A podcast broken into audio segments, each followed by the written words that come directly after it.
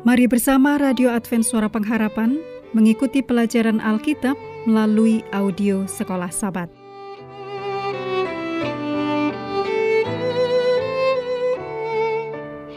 Selanjutnya kita masuk untuk pelajaran yang baru, periode 30 Desember 2023 sampai dengan 5 Januari 2024. Ditulis oleh Dragoslava Centrak, PhD Perjanjian Lama, melayani sebagai editor pelaksana dari Encyclopedia of Seventh-day Adventist di kantor pusat gereja Masehi Advent Hari ke-7 General Conference dan penulis dari Seventh-day Adventist International Bible Commentary tentang Mazmur 76 sampai 150.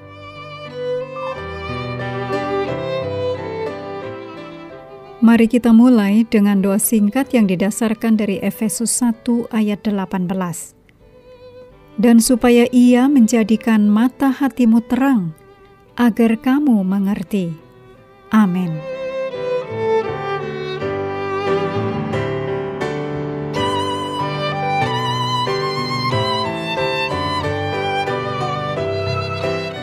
Sabat petang, judulnya Cara Membaca Mazmur. Untuk pelajaran pekan ini, bacalah 1 Tawarik 16 ayat 7, Nehemia 12 ayat 8, Mazmur 25 ayat 1 sampai 5, Mazmur 33 ayat 1 sampai 3, Roma 8 ayat 26 27, Mazmur 82 ayat 8 dan Mazmur 121 ayat 7. Ayat hafalan Lukas 24 ayat 44 45. Ia berkata kepada mereka, Inilah perkataanku yang telah kukatakan kepadamu ketika aku masih bersama-sama dengan kamu, yakni bahwa harus digenapi semua yang ada tertulis tentang aku dalam kitab Taurat Musa dan kitab nabi-nabi dan kitab Mazmur. Lalu ia membuka pikiran mereka sehingga mereka mengerti kitab suci.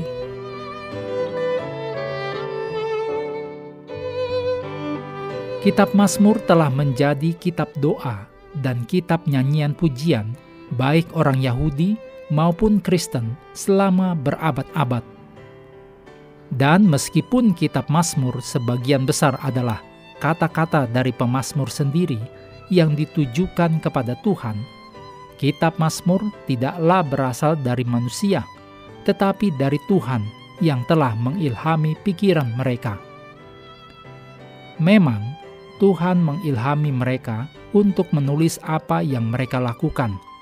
Itulah sebabnya, seperti dalam seluruh kitab suci, demikian yang ditulis dalam 2 Petrus 1 ayat 21, Tuhan dalam kitab Mazmur berbicara kepada kita melalui hamba-hambanya dan rohnya. Yesus, para rasul, dan para penulis perjanjian baru mengutip kitab Mazmur dan menyebutnya sebagai kitab suci.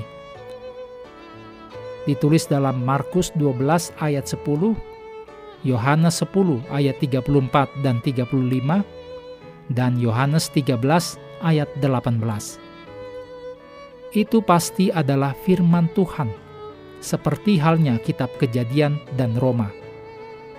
Kitab Mazmur telah ditulis dalam puisi Ibrani oleh penulis yang berbeda dari zaman Israel kuno, sehingga kitab Mazmur mencerminkan dunianya yang khusus.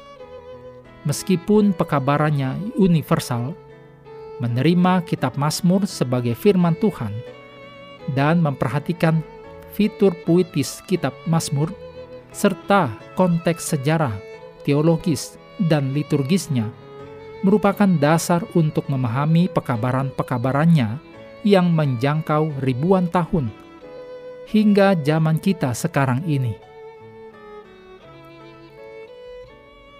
Mengakhiri pelajaran hari ini, kami terus mendorong Anda bersekutu dengan Tuhan setiap hari, bersama dengan seluruh anggota keluarga baik melalui renungan harian, pelajaran sekolah sahabat, dan bacaan Alkitab sedunia, percayalah kepada nabi-nabinya, yang untuk hari ini melanjutkan dari Yesaya pasal 37 Tuhan memberkati kita semua.